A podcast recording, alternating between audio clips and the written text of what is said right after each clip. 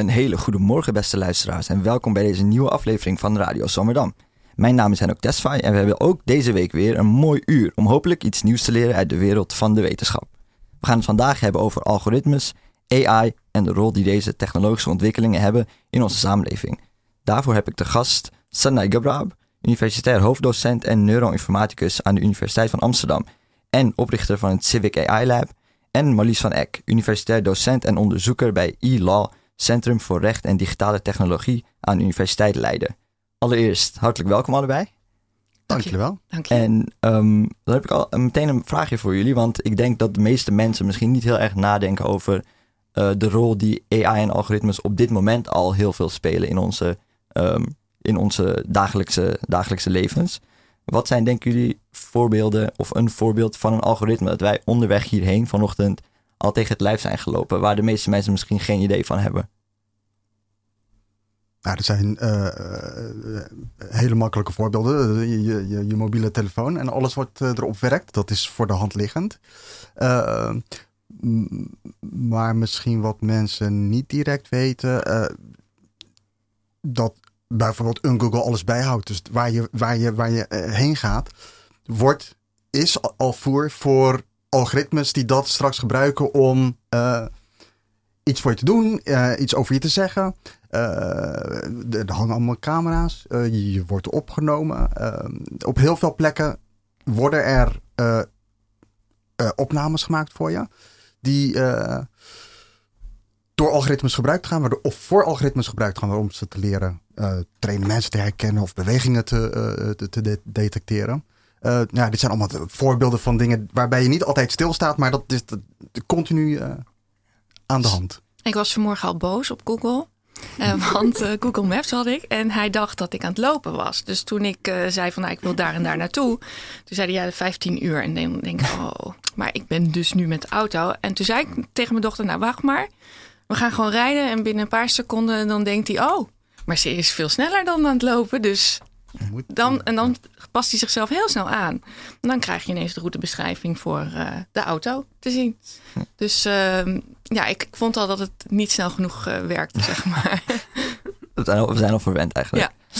Yes, en um, dat doe ik niet alleen uiteraard, deze uitzending. Uh, naast mij, of tegenover mij, zit mijn co-presentator Lianne Hoijmans. Goedemorgen Lianne. Goedemorgen. En Lianne, denk jij wel eens na over de toekomst die wij hebben met AI? Nou, ik ben dus eigenlijk best wel... Um, ouderwets of uh, technologisch conservatief. um, dus ik weet dat uh, de algoritmes, zeg maar, soms verwachten ze dat je dingen doet. Dus nu schep ik er wel eens plezier in om iets afwijkends te doen. Dus dan denken ze dat je heel graag paraplu's wil kopen omdat je dat hebt gegoogeld. Uh, en dan ga ik expres iets anders kopen. um, gewoon om het algoritme een beetje af te leiden. Yes. Nou, lijkt me een leuke, leuke bezigheid. Dat is leuk hoor. Dan koop je geen paraplu, maar gewoon een, een parasolletje. Ja. Wel in hetzelfde, hetzelfde genre, maar dan eh, net iets anders. Um, nou, dan gaan we beginnen met uh, Sanay Gabrab. Zoals ik al zei, uh, je bent neuroinformaticus en daarnaast oprichter van het Civic AI Lab. Dat zit op Amsterdam Science Park, als ik dat goed heb. Um, wat is het doel van het Civic AI Lab en hoe is dat tot stand gekomen? Het doel van het Civic AI Lab is het ontwikkelen van technologieën die uh, mensen, burgers helpen in hun dagelijkse leven. Uh, rekening houdend met de diversiteit aan mensen, diversiteit in uh, culturen, diversiteit in nou, van alles wat je kan bedenken. Waarom ik het gestart ben is om, nou, algoritmes zijn overal. AI wordt ontzettend groot, maar heel vaak zie je dat AI gebruikt wordt en algoritmes ontwikkeld worden voor de uh, mens als klant of als, als, uh, als patiënt of als, maar niet voor de burger als mens, een burger met rechten. Um, dus het idee met Civic AI Lab is um, een, een, een lab ontwikkelen, een, een lab waarbij AI-technologieën ontwikkeld worden. Um, die uitgaan van de mens als, als center. En ook die uitgaan van communities. Dus het is civic-centered en community-minded AI uh, wat we uh, willen ontwikkelen. Yes, en um, jij hebt natuurlijk achtergrond als uh, neuroinformaticus. Um, ik weet niet of um, dingen als het effect van AI of algoritmes op de samenleving bij zo'n opleiding heel erg naar voren komen. Maar hoe is jouw interesse hierin gestart, zeg maar? Hoe ben jij hier hierin terechtgekomen?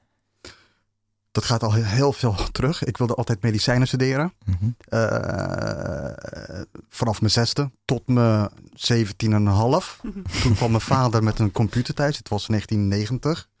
Want hij hoorde iets met Windows en computers en de toekomst. Dus hij kocht het om ons te inspireren.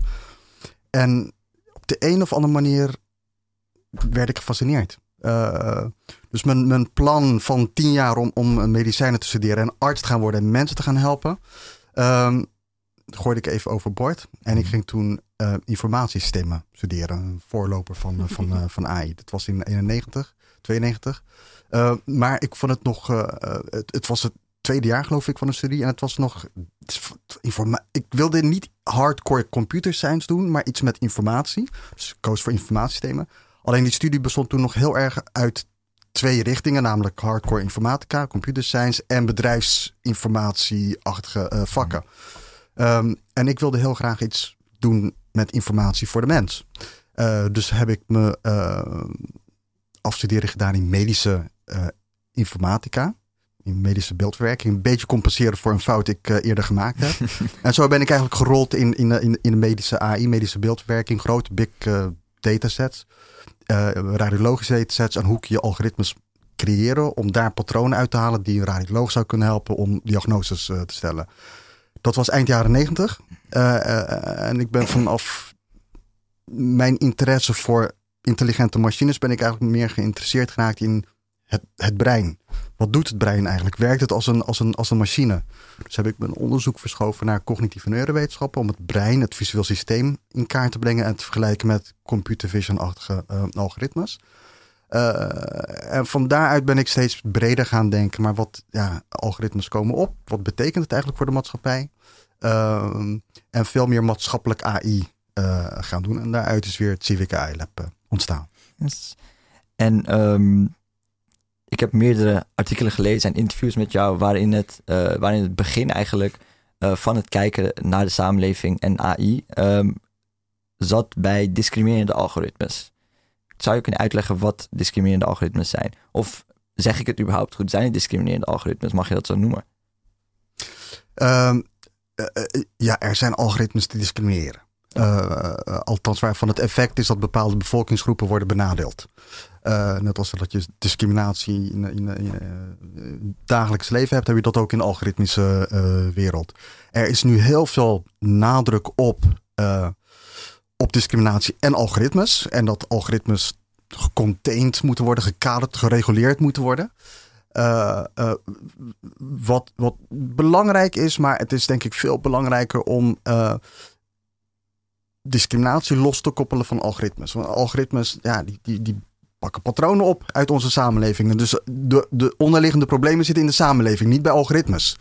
Uh, dus ik merk ontzettend veel nadruk, uh, veel mhm. focus nu op algoritmes en vooral op uh, discriminerende algoritmes. Maar het is niet per se de algoritme wat fout maakt. Het is ehm, fouten in nou, fouten, problemen, ongelijkheden, discriminatie in de samenleving die opgepakt worden. Yes. En um, kan je een voorbeeld geven ter illustratie van wat zou een uh, voorbeeld zijn van een algoritme dat discrimineert?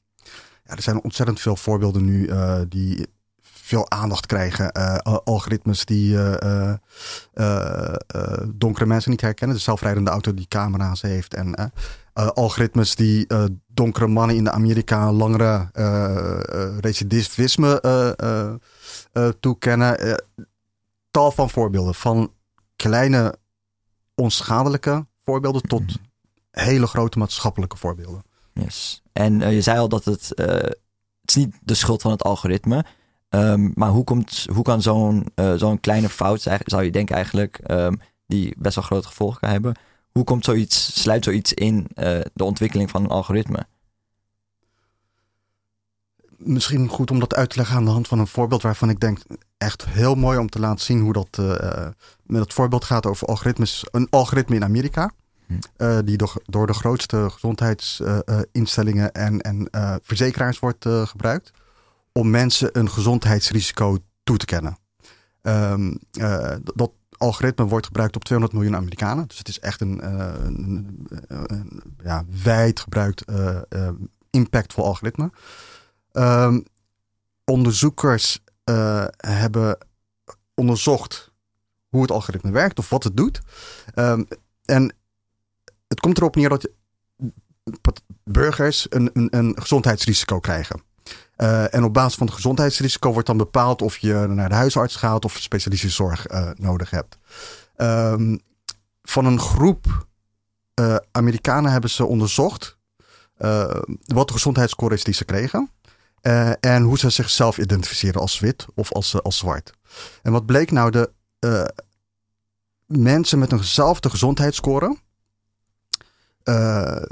witte patiënten met eenzelfde gezondheidsscore bleken veel gezonder te zijn dan uh, zwarte patiënten. De zwarte patiënten uh, met een score van, laten we zeggen, 55 of 60 percentiel, uh, die, die bleken zieker te zijn als je kijkt naar de daadwerkelijke chronische ziektes die ze hebben.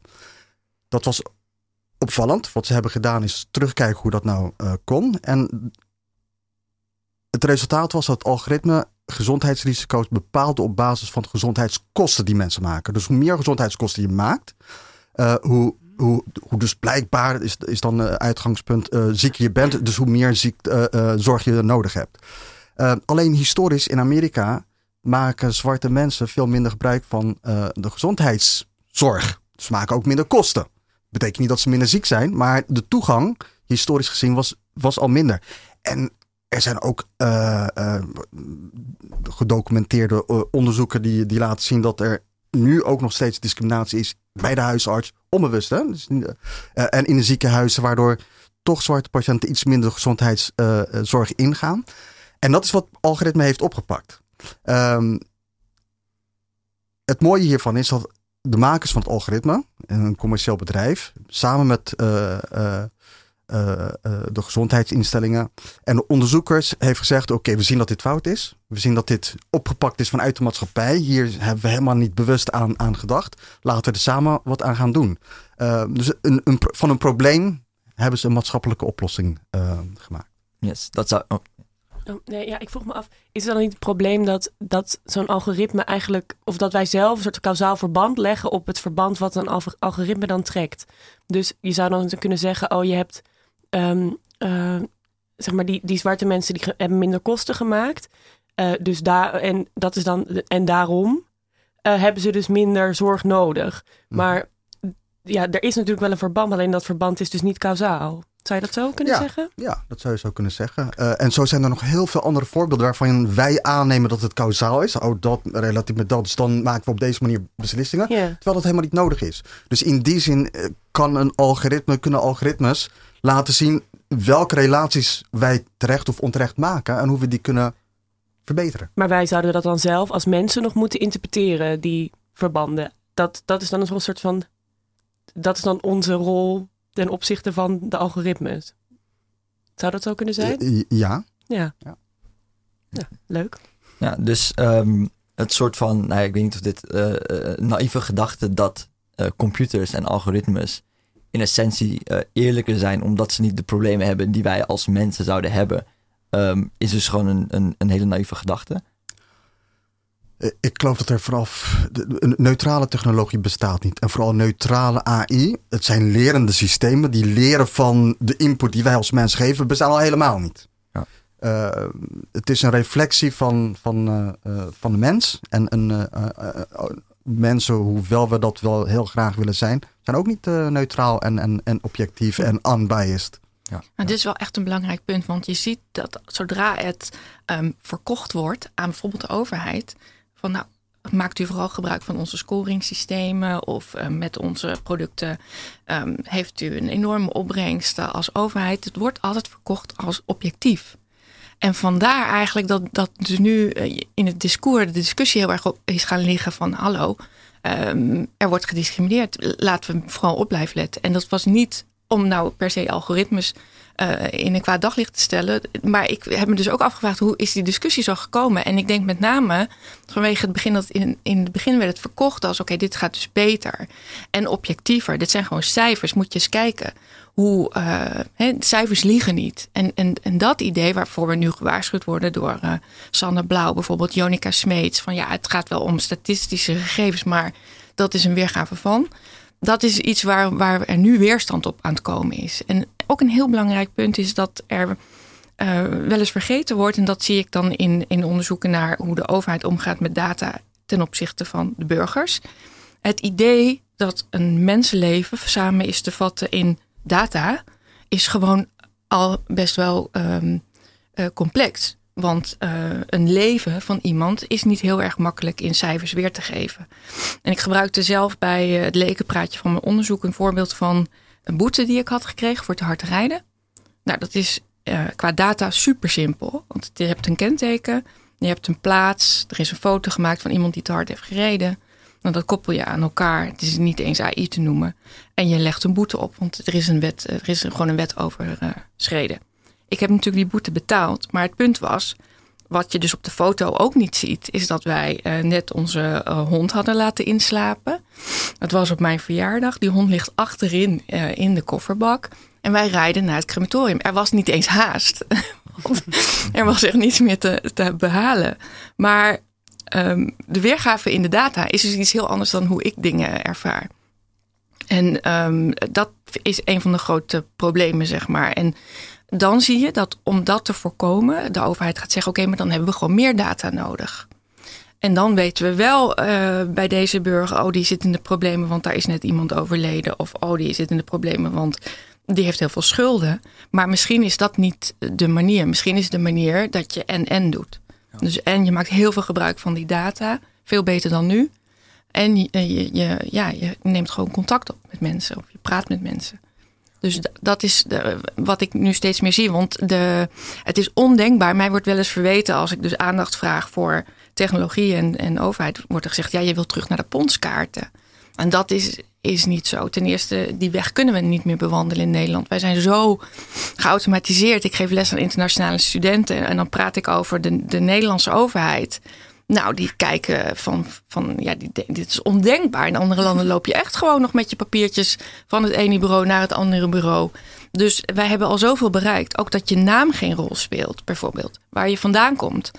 Ja, je bent echt een nummertje voor de overheid. En dat is tot op zekere hoogte echt een verworvenheid. Want het, dat is echt, echt belangrijk. Dus die gelijkheid van uh, dat die computers die maken geen onderscheid.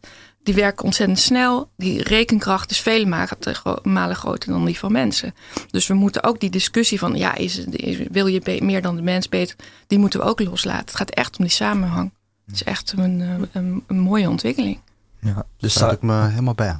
Dus zouden jullie uh, allebei in beide gevallen uh, zeggen dat dit soort technologieën eigenlijk zijn, te vroeg zijn geïmplementeerd? Um, zonder daadwerkelijk te kijken totdat er iets fout gaat. En dan wordt er gekeken wat kan er beter. Want bijvoorbeeld uh, Sanaya in, uh, als we het hebben over een, een algoritme dat discrimineert, um, zou ik kunnen zeggen dat dit aan het licht is gekomen omdat we nu in een uh, samenleving zitten die steeds diverser wordt, waarin dit soort problemen worden uitvergroot en dat het misschien anders nooit naar voren gekomen zou zijn? Ja, dat, dat, uh, dat uh, ja, nooit. Het, het, had misschien langer geduurd voordat het uh, naar voren gekomen zou zijn. Maar omdat we nu zo algoritmes werken, komen dingen vrij snel naar, naar, naar boven. Ehm, en dat is iets waarvan veel mensen zeggen van dat is fout. Algoritmes zijn fout, dat moeten we stoppen. Of, of, of, of leken zeggen van ja, we willen helemaal niet. maar het is juist een kans. Het, ik, ik probeer te appelleren op de kans die AI ons biedt. Uh, algoritmes ons bieden door te laten zien wat we goed doen, waar we nog beter kunnen doen en wat we, wat we fout doen. En um, wat is, als we zeg maar op deze weg door zouden gaan, um, wat is het toekomstbeeld in een steeds diverser wordende maatschappij als deze, dit soort algoritmes, laat zeggen, niet um, met sociale inclusie in gedachten worden ontwikkeld? Uh, groeiende ongelijkheid, dat heb je al in veel uh, de disciplines en, en, sectoren. Maar als vervolgens ook de algoritmes niet rekening houden met de diverse maatschappijen, zal, zal, zal, de ongelijkheid toenemen. En daarom is het zo belangrijk dat de ontwikkeling van algoritmes gedaan wordt in interdisciplinaire context. Met AI-mensen, met juristen, met filosofen, met politicologen. Maar ook met diverse mensen, diverse achtergrond. Dat, daar ligt de kans. En als we dat nu niet aangrijpen, in het onderwijs, in het onderzoek, uh, ja, dan, dan kan het zijn dat we straks zitten met, uh, met een nog veel grotere ongelijke wereld. Onder andere door algoritmes geboost. Er is een heel interessant onderzoek gedaan uh, door Virginia Eubanks in Amerika. En zij noemt dat automating inequality.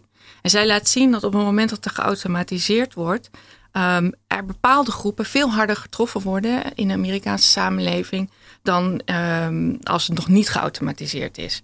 En zij heeft het dan over de digital poorhouses.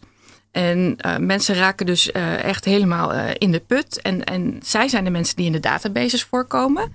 Dus niet de rijke mensen. Maar vervolgens wordt die groep dan weer extra gemonitord op hun gedrag als zwangerschap, alleenstaande moeders, et cetera. Dus de mate van surveillance is op die groep veel groter dan op andere Amerikanen.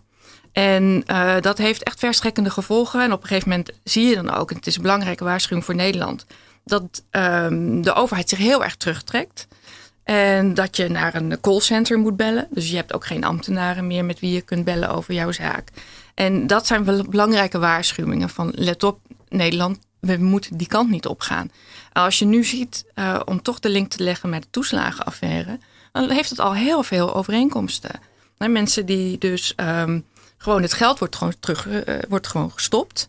Op dat moment uh, ontstaan er grote financiële problemen.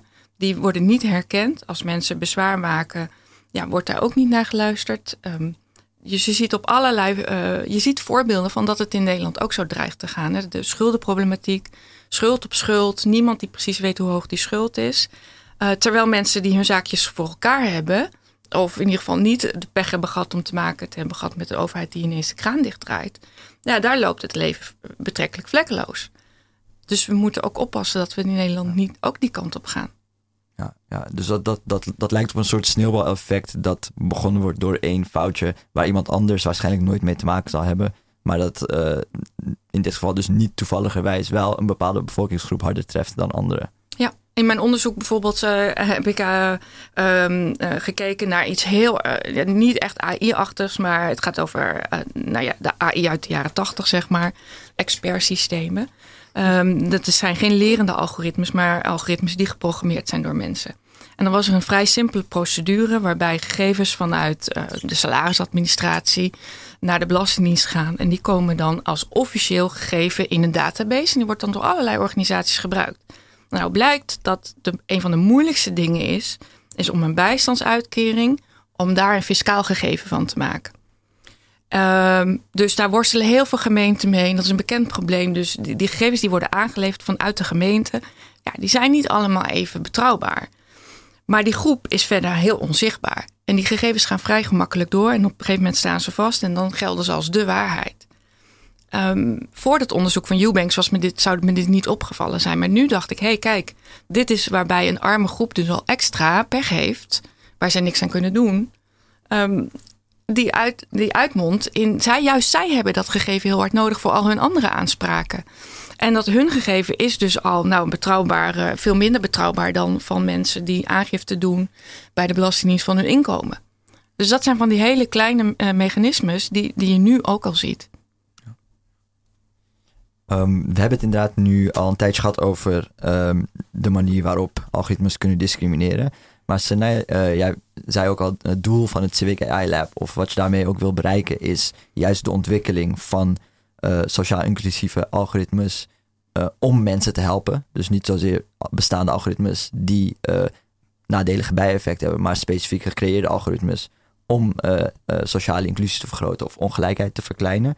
Um, waar moeten we aan denken? Wat voor algoritmes zouden dat zijn? En worden die misschien al toegepast op plekken die we niet waarvan we niks weten? Nou, ik een heel mooi voorbeeld vind ik uh, uh, het voorbeeld van uh, Stanford University. Die hebben een algoritme ontwikkeld, een Migration Policy Lab daar met de Zwitserse overheid. waarbij ze algoritmes gebruiken om vluchtelingen te, te plaatsen. Dus algorithmic relocation of refugees. Um, ze hebben ons een, een, een, pilot gedaan waarin ze vluchtelingen in Zwitserland hebben geplaatst. Uh, ergens in, in, in Zwitserland op de ouderwetse manier, de traditionele manier. Dus dat een mens dat doet, beoordeelt wie is deze persoon. En, en met behulp van algoritmes die ze getraind hebben op ervaringen met het plaatsen van vluchtelingen en het succes van vluchtelingen in het verleden. en wat bleek? De vluchtelingen die ze hebben geplaatst in Zwitserland met behulp van een algoritme, bleken veel sneller het arbeidsmarkt in te gaan, eh, onderwijs in te gaan, dan degene die geplaatst zijn op, door mensen. Hoe, komt dat? Nou, het algoritme kijkt uh, naar welke plaatsen in Zwitserland hebben welke uh, expertises, talenten nodig. Wat zijn de talenten van, van, van vluchtelingen die wij als mensen niet per se direct kunnen zien. Uh, uh, dus als je als, als organisatie of ambtenaar een vluchteling plaatst, ja, dan kijk je misschien naar wie is het. Wat, een, paar gegevens die, die, die, waarvan je denkt dat die voldoende zijn om in te schatten wie die is, wat de talenten zijn en waar ze terecht kunnen. Met algoritmes kan je dat veel breder trekken. en dit is een win-win situatie, want de regio's die behoefte hebben aan talenten, weet ik veel, automonteurs of juristen met een vluchteling. En, en er zijn vluchtelingen die die expertise hebben. Dat is een onwijs mooie match die je kunt uh, maken. En de lokale regio's hebben daar profijt van. En de vluchteling die komt, die voelt zich gewaardeerd en gebruikt zijn talenten. Uh, dit zijn soort uh, algoritmes die dus al bestaan. Maar je kunt het nog veel breder gaan trekken en gebruiken.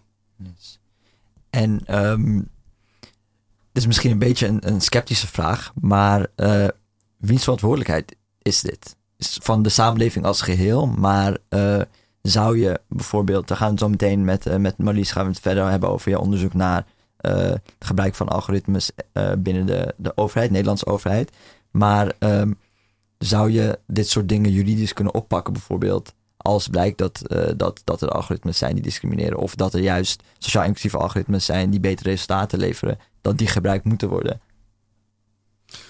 Ja, uh, het, is uh, verantwoordelijkheid van de, van de maatschappij. Eén, te zien wat de kansen zijn. Dus het, het, is ook van belang uh, om niet alles te leggen bij organisaties of universiteiten die algoritmes ontwikkelen. Of bij de overheid die ze, die ze gebruikt. Wij als burgers zouden veel meer in staat moeten zijn het belang van algoritmes te zien en het belang van digitale geletterdheid en digitale gecijferdheid, zoals ik dat noem dat wordt net zo belangrijk als nu lezen en schrijven. Als je straks van betekenis wil zijn in, in, in, in eh, de toekomstige maatschappij, dan moet je dat. Dan moet je daarin investeren. Dan moet je daar bewust van zijn. Dus daar is ook een beetje een verantwoordelijkheid bij ons als mens, als diverse maatschappij, om daarin te investeren. In jezelf. Uh, en vervolgens, ja, uh, zijn er nog allerlei juridische aspecten waar we uh, zo meteen van.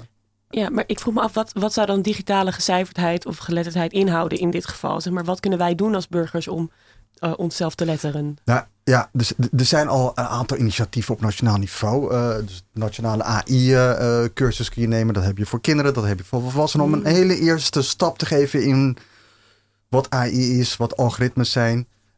maar maar dat, is, dat is te weinig. Dat is een mooie eerste stap. maar onderwijs, scholen moeten daar veel meer aandacht aan besteden. Universiteiten moeten daar veel meer aandacht besteden. Gemeentes, de overheid. Vanuit alle richtingen moet daar uh, uh, meer ingezet worden op digitale geletterdheid en digitale cijfertijd. Wat het verschil is, heel kort, ik maak het onderscheid. Digitale geletterdheid houdt zich eigenlijk bezig met uh, mediawijsheid. Over mhm. het algemeen. Je moet, je, je, moet kunnen internetten, je moet weten wat, hoe je informatie kunt opzoeken, wat de potentiële implicaties zijn van je zoekgedrag, et cetera. Mhm. Digitale cijfertijd is veel meer algoritmisch denken. Weten hoe een algoritme nou stappen maakt om tot een bepaalde conclusie te komen. Want alleen als je dat weet, kun je straks ook als een bepaalde beslissing voor jou wordt genomen, terugreteneren en uh, uh, een beroep doen op, op, op een gemeente die een beslissing voor je heeft genomen, of de overheid of de school. Um, als je die algoritmische denken, als je dat digitale cijfertijd niet hebt, dan ja, stel je voor dat je uh, nou uh, naar Afrika gaat, ergens waar ze een taal spreken die je helemaal niet kent. Um, en je, moet, je wordt daar gedropt en je moet daar overleven. dat, dat is waar, we naartoe gaan. Eh, dat- dat je eh, niet meer kunt communiceren, niet weet wat de systemen zijn, et cetera. Die voor jou heel belangrijk zijn om te kunnen overleven. Ik vind dit echt een heel, heel mooi punt. Want de, de recht, mijn heel, ik heb echt een heel groot probleem met hoe nu de juridische faculteiten eh, blijven vasthouden aan het lesgeven en het onderwijzen. Alsof we, eh, nou ja, 20, 25 jaar geleden leefden. En dat betekent dat, dat er nu juristen worden, en dat, dat vind ik echt heel ernstig, dat juristen worden afgeleverd nu op de arbeidsmarkt die hier helemaal geen weet van hebben. Ehm, terwijl de vraagstukken waar je nu mee geconfronteerd wordt, die, daar, die gaan daar wel over. Ehm, dus ik, wil meteen eh, aansluiten hierbij dat zeker het juridisch onderwijs eh, echt moet bij gaan, eh, gaan poten nu. En toevallig heb ik vrijdag een oratie bijgewoond. En dat zal u aanspreken, want dat, die, die- daar- vloeide eigenlijk uit voort. De jurist die de oratie gaf, Johan Wolfswinkel, die zei... Oké, we hebben dus nu algoritmische besluiten. En we weten nu hoe de rechter daartegen aankijkt. Maar zegt hij, moet het niet een plicht gaan worden voor de overheid om algoritmisch te besluiten? Want op die manier kan ik heel erg goed vaststellen als burger welke stappen er gezet zijn. Dus hij draaide het helemaal om. En dat geeft ook aan waar we nu in zitten. Het was eerst een grote bedreiging. We zagen het eerst als, oh, oh de mens is beter. En nu verschuift het naar, hij zei ja, ik wil eigenlijk dat als er bijvoorbeeld hele schaarse dingen verdeeld moeten worden, wil ik eigenlijk dat de overheid sowieso een data-analyse toepast. Die ik dan ook weer kan bekijken om te zien of het wel evenredig verdeeld is. Dus we gaan echt een, een andere kant op. En alleen mensen die, die snappen wat de kansen zijn en hoe het werkt, die kunnen nu eh, ook, ook meegaan in die discussie. En ik sluit me heel erg aan bij, eh, de, bij de tip om zeker de nationale AI-cursus te gaan volgen. Het is echt ontzettend leuk. Uh, we, ik mocht eraan meewerken. We hebben de, het materiaal uit Finland gekregen. In Finland zijn ze gestart. Die cursus kun je ook volgen hoor. Die heet Elements of AI. En die is nu vertaald in alle talen van de EU. Maar die was heel erg um, uh, Fins in de zin van... Uh, daar lezen ze kennelijk nog heel erg graag. En in Nederland uh, willen we filmpjes, entertainment, snel, snel, snel. En dat is met die cursus gedaan. Dus het zijn hele korte filmpjes. Het gaat heel snel. Maar ja, dat is hoe wij informatie oppakken. En um, dus ik zou zeggen, ja. Het is echt een must voor, voor de toekomst. Yes. Dat vind ik een heel mooi bruggetje. Um, ah, even ter, ter, herhaling. We hebben het vandaag bij Radio Zomerdam over de rol van algoritmes en AI binnen de samenleving. Uh, we hebben net gehad over uh, algoritmes die discrimineren met uh, Sanai Gabrab. En we gaan nu inzoomen op een iets specifieker deel van de samenleving, namelijk de overheid. De over overheid gebruikt namelijk in steeds grotere mate geautomatiseerde systemen om bepaalde processen sneller en met het doel efficiënter volgens mij te maken. Um, of dat werkt gaan we nu bespreken met Marlies van Eck. Um, jij bent dus onderzoeker bij e-law aan de Universiteit van Leiden en daarnaast adviseur in hetzelfde vakgebied. Je zei het net al dat uh, juristen niet zozeer worden opgeleid met deze vorm van, uh, van recht uh, in, in het achterhoofd, laat het zo zeggen. hoe ben jij dan terechtgekomen in, in, bij e-law en wat voor onderzoek doen jullie daar precies? Um, nou, in de, in, dat is ook, het is, het is ook een, weer teruggaan zeg maar, naar, de, naar de, roots. En ik ben afgestudeerd in uh, 95 op bestuursrecht, maar ook op recht en IT. En bij recht en IT werden we toen al, uh, ja, dat vond ik gewoon fascinerend, gewoon de systemen. En daar ging het destijds uh, ook over uh. Dus je zet de, de belangrijke of de meest deskundige mensen bij elkaar en je vraagt aan hun: oké, hoe voer jij deze wet uit? En vervolgens gaan programmeurs, die maken daar een computerprogramma van. En eigenlijk ben ik altijd wel in die regio's werkzaam geweest. Toen werkte ik op een gegeven moment bij Belastingdienst Toeslagen. Um, dat is nu heel bekend, maar in die tijd uh, was het gewoon een van de vele uitvoeringsinstanties. Er was sowieso heel weinig aandacht voor. En daar werd ik geconfronteerd met de computer die dus beslissingen nam die ik niet meer kon uh, reconstrueren. Dus ik zag dan de uitkomst. Ik, ik procedeerde dan namens de Belastingdienst. En dan keek ik naar waarom iets was geweigerd of afgewezen. En dan kon ik niet meer achterhalen. Ik kon ook niemand vinden die me kon uitleggen waarom dat was. Ja, want dat, dat was nou eenmaal wat de computer zei. En vanuit die interesse van, hé, hey, hoe, hoe werkt dat dan eigenlijk? En kan de rechter dat dan nog wel beoordelen als zelfs die ambtenaar het zelf niet meer begrijpt? En waarom vertrouwen we met elkaar allemaal op die computer? Dat was toen de reden waarom ik mijn onderzoek ben begonnen. Yes. En uh, wat voor soort onderzoek wordt er gedaan bij ILA en wat voor onderzoek uh, doe jij? Uh, nou, we werken in, ook interdisciplinair en we zijn opgericht in de jaren negentig. Ehm, als, als een van de eerste, zeg maar, waarbij het recht en de informatica samen wordt uh, gevoegd. Maar inmiddels hebben we ook filosofen in dienst en werken we echt met heel veel verschillende um, disciplines aan. Uh, bijvoorbeeld juridische zoek, uh, zoekresultaten voor juristen uit de grote databanken. Um, wat levert de beste zoekstrategie op? En, en, en kan je dat dan ook gebruiken in, in een rechtszaak? Zo van oké, ik heb alles gezocht, dit komt eruit. Of um, moet je dan ook echt uitleg kunnen leggen waarom wat eruit komt? Dat wordt onderzocht. Maar ook kinderrechten, online kinderrechten. Um, ja, ethische aspecten van alles. Yes. Um, ik kan me voorstellen dat veel mensen uh, geen idee hebben welke processen geautomatiseerd zijn in hun, laten zeggen, uh, uh, contacten met de overheid. Uh, je noemde net al toeslagen. Ja. Wat voor andere voorbeelden zijn er van, van geautomatiseerde systemen die nou, je, uh, het begint bij de gemeente. Je schrijft je in als je verhuisd bent bij de baasregistraties personen. Um, binnen 24 uur wordt dat gegeven verspreid aan alle andere overheidsinstanties. Je kinderbijslag is geautomatiseerd. De WOS-belasting wordt door middel van wiskundige programma's wordt, die, wordt de waarde van je woning vastgesteld en vervolgens wordt het gegeven weer gebruikt. De inkomstenbelasting gaat geautomatiseerd. Um, hondenbelasting. Bij, alles bij de IBG.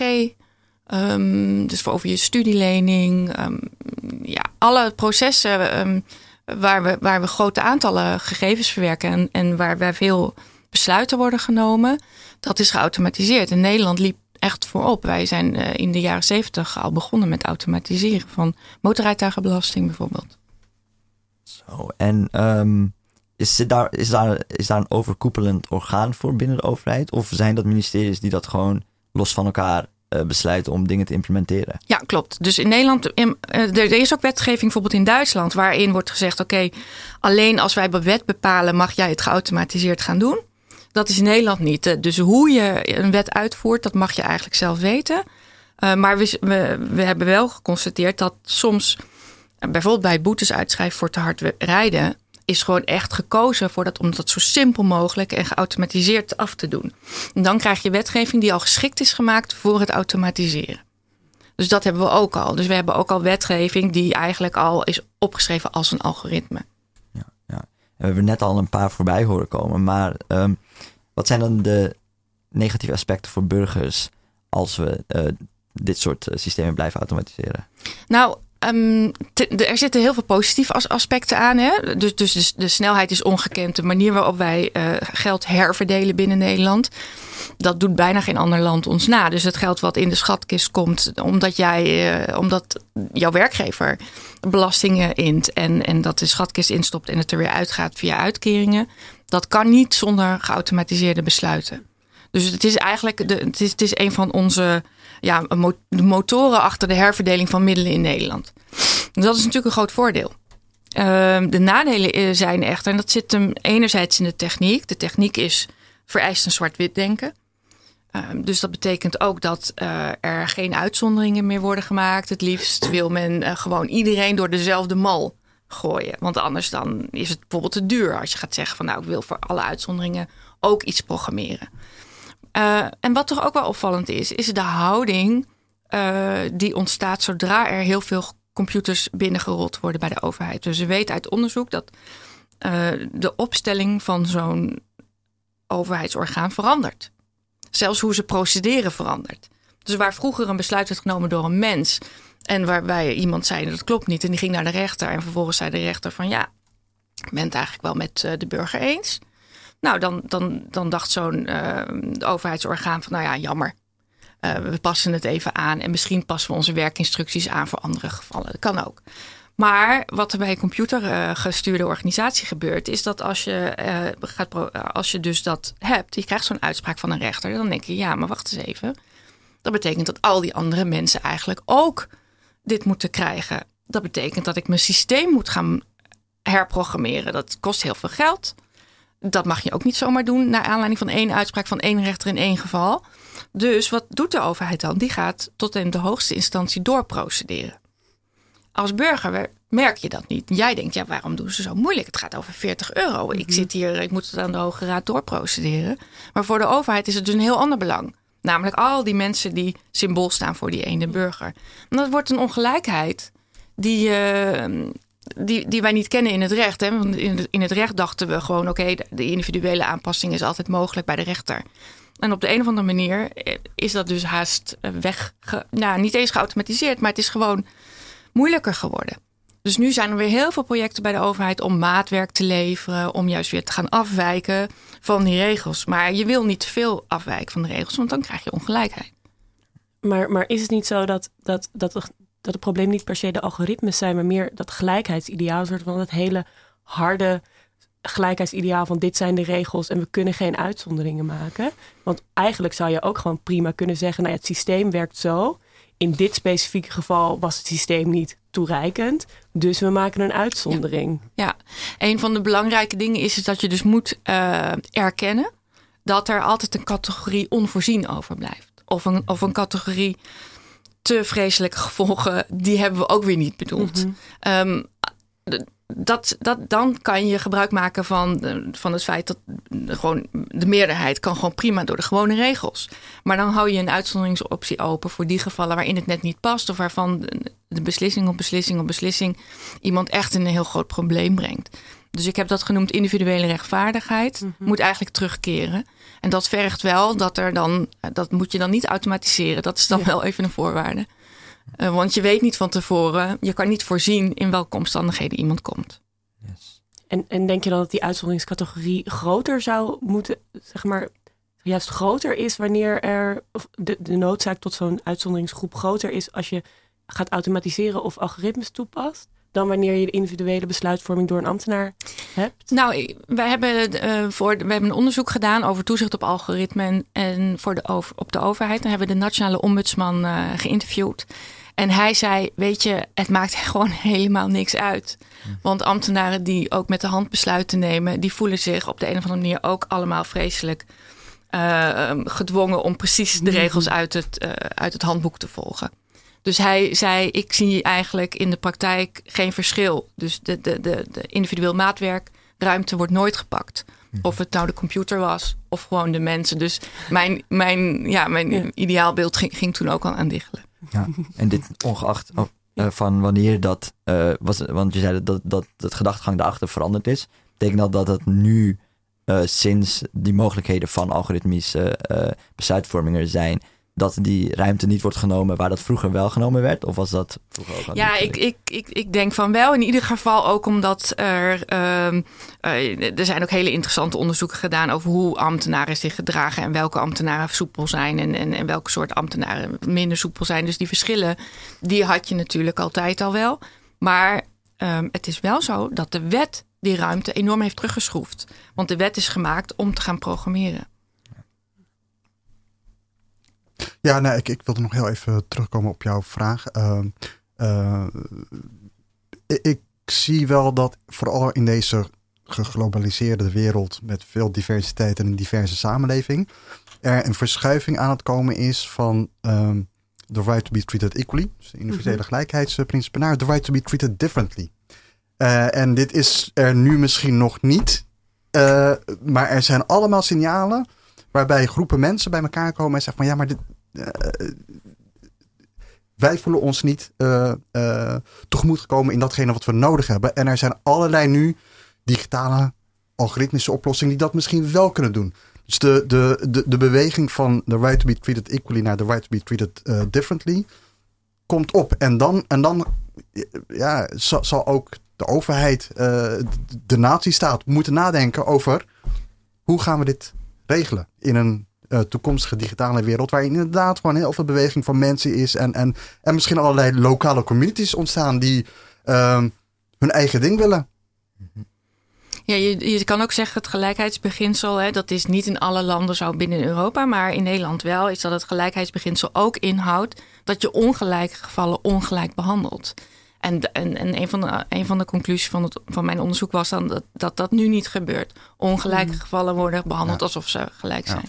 Ja. Ja. ja. En, en algoritmes zouden ons kunnen helpen om uh, verschillen, zeg maar, aan het licht te brengen of meer, daar meer rekenschap van te geven? Is dat het? Niet zozeer alleen aan het licht brengen, maar ook oplossingen bieden voor die groepen, voor die communities die een ongelijke behandeling willen.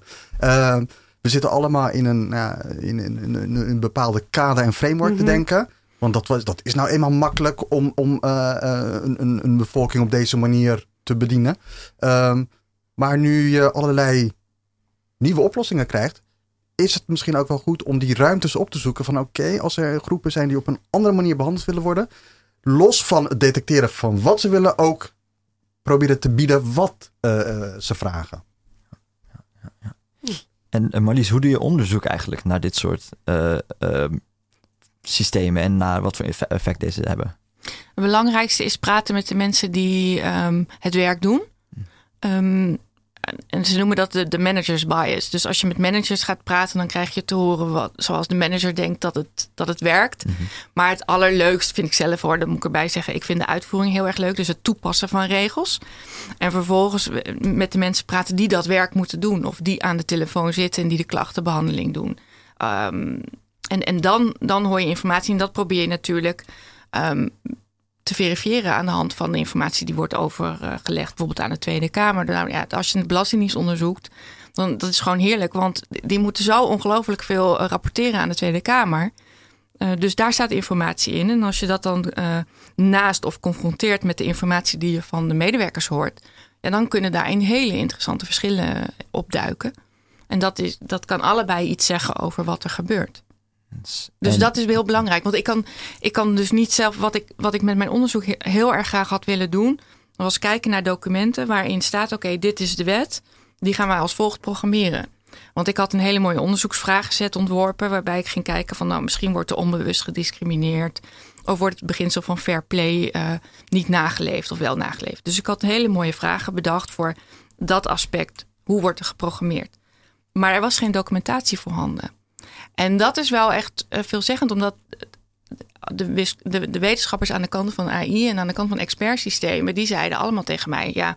En in alle documenten stond ook, nou, als die overheid maar gaat automatiseren, dan zijn we eindelijk af van die, die, die, die willekeur in die hoofden van al die verschillende ambtenaren. Dan hebben we eindelijk op papier wat de overheid vindt van de mensen en wat ze doen. Dus ik ging met die veronderstelling heel dom van mij, want mijn onderzoek gaat nou juist over het verschil tussen theorie en praktijk. Maar hier trapte ik er vol in. Want ik dacht, nou, dit, laat mij dat maar eens even gaan onderzoeken. En toen bleek dat de theorie, namelijk dat alles van tevoren ergens is opgeschreven en daarna geprogrammeerd is, dat dat gewoon niet waar was in de praktijk.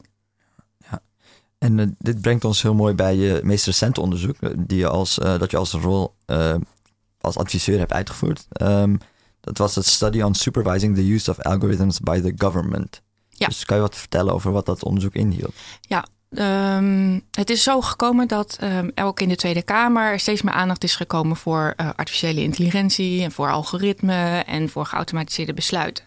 En op een gegeven moment eh, eh, heeft de Kamer gezegd: er moet eigenlijk een, een, een algoritme-autoriteit komen.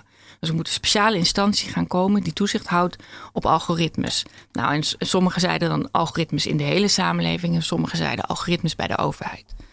En ehm, die vraag lag bij eh, de minister van Binnenlandse Zaken. En die heeft vervolgens eh, de vraag gesteld van... Ja, misschien hebben we al voldoende toezicht op algoritmes bij de overheid. Ehm, maar ja, dat moeten we nog even uitzoeken. En wij hebben toen dat onderzoek gedaan om te kijken... wat gebeurt er nu op het gebied van toezicht op algoritme? En eh, is het inderdaad... ehm, en hoe kijken deze instanties aan tegen het idee om een aparte autoriteit op te richten? Dus dat, dat is het onderzoek wat we hebben verricht. En we hebben met heel veel mensen gesproken. Er, zijn, er blijken echt ongelooflijk veel instanties toezicht te houden. Ehm, ik had ook wel gezegd, ik, ik zou wel AI willen om, om al die instanties goed in kaart te brengen. en ook dat ze voor elkaar wel weten wie wat doet. Want het was echt een grote lappendeken. Ja, dat is ook wel veelzeggend van onze samenleving natuurlijk. Dat we, we, we zijn echt heel erg gericht op regels en op naleving van regels. En, en daar weer regels over. Ehm, maar goed, er bleek dus eh, dat, dat we veel toezichthouders hebben. Zij eh, zeiden allemaal dat ze hier iets mee wilden gaan doen. Zij zeiden ook van ja, voor ons is relevant hoe wij houden toezicht op, nou, bijvoorbeeld hoe geld wordt uitgegeven, is de rekenkamer.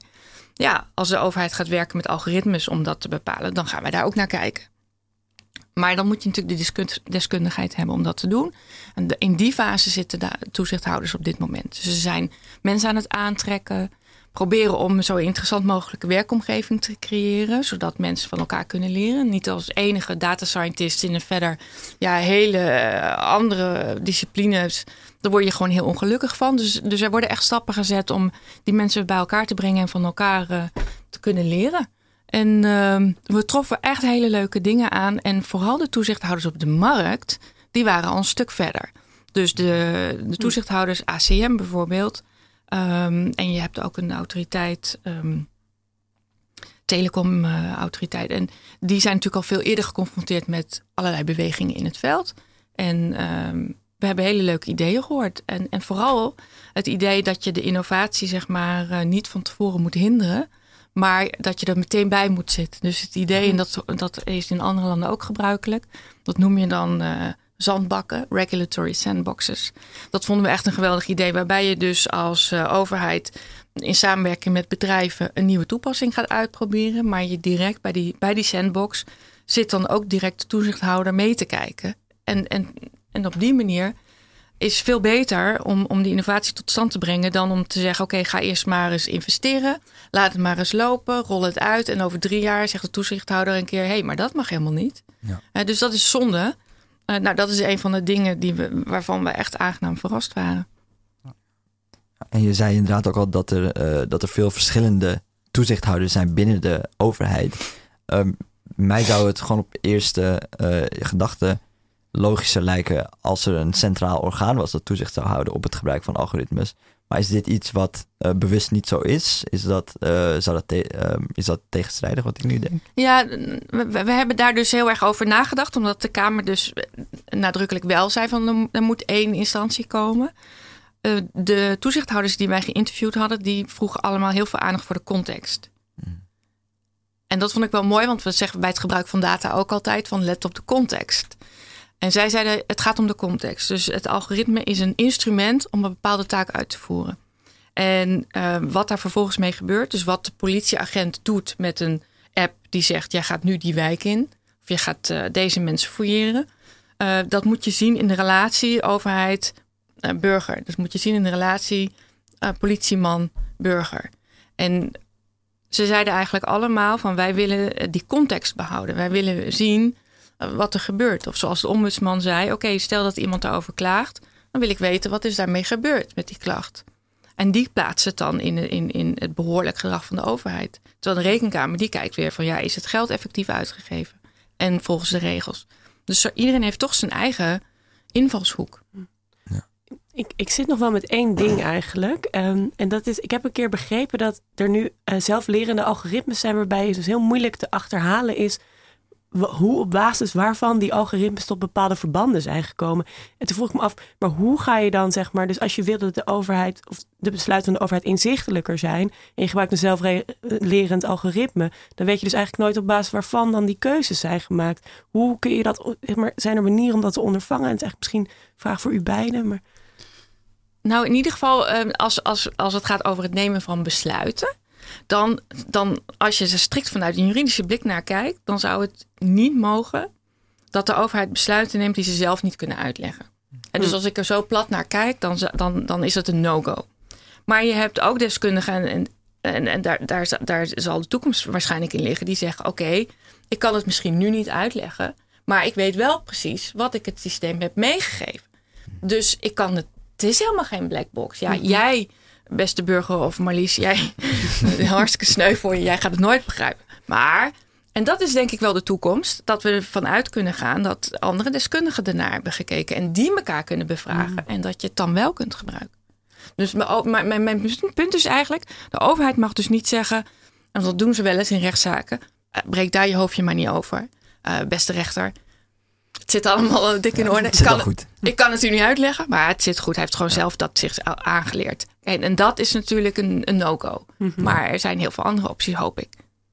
Ja, nou hoe ik er tegenaan kijk is dat jij een blackbox in je hoofd hebt. Jij hebt een blackbox in je hoofd. Ik heb een blackbox en jij hebt ook een blackbox. Wij kunnen onze beslissingen, kunnen we wel achteraf rationaliseren. Maar hoe ze tot stand zijn gekomen, kan jij mij niet vertellen. Uh, is ook niet nodig. Het gaat erom dat ik zie wat jouw besluit is en wat de impact ervan is. Hmm. Nou, als dat een impact is die mij benadeelt, kan daar uh, uh, actie op ondernomen worden. Dus we hoeven ook niet alles te verklaren. Zolang we de beslissingen, de besluiten, Mhm. de impact daarvan kunnen meten en zien en daarop kunnen acteren, is het, is het voldoende. Hoe meer we begrijpen van een black box, hoe beter. Maar ik denk niet dat het mogelijk zal zijn om onze hersenen te Mhm. kraken. Of de, de algoritmes die nu gebruikt worden, die nou ja, bijna de hersenen nabootsen in termen van al die lagen en links die, die, die, eh, die eh, eh, uitgevoerd worden. Dat- dat- ik heb niet de illusie dat er een, een, een situatie komt waar, waarin we alle algoritmes, alle blackboxen kunnen verklaren. Hm. Yes. Ja. Duidelijk, een hele mooie noot om te eindigen. Eh, want ik hoor de eindtune al lopen in de achtergrond. Ehm, dat betekent dat we aan het eind zijn gekomen van deze uitzending van Radio Zwammerdam. Eh, heel erg bedankt voor het luisteren in ieder geval. We hadden, vandaag, we hadden het vandaag over de rol van AI en algoritmes in onze veranderende samenleving. Hiervoor waren in de studio Sanai Gabrab en Marlies van Eck. Beide heel erg bedankt eh, voor het aanschuiven. Eh, heel erg bedankt ook natuurlijk aan Lianne, mijn co-presentator. En Bouke, de held in het techniekhok. Ehm, die zal zorgen dat deze uitzending later vandaag online komt te staan. Die kunnen jullie terugluisteren eh, op Spotify, iTunes en andere podcast-apps. Vorige uitzendingen, waaronder ons dossier Denken met Computers, die gaat over AI en eh, algoritmes en soortgelijke onderwerpen, eh, kun je terugluisteren op radiosomerdam.nl. Reageren op deze uitzending kan via redactie.radiosomerdam.nl of natuurlijk via Facebook en Twitter. Voor nu nog een hele fijne, hopelijk zonnige zondag. Mijn naam is Henok Tesfaye en dit was Radio Zomerdam.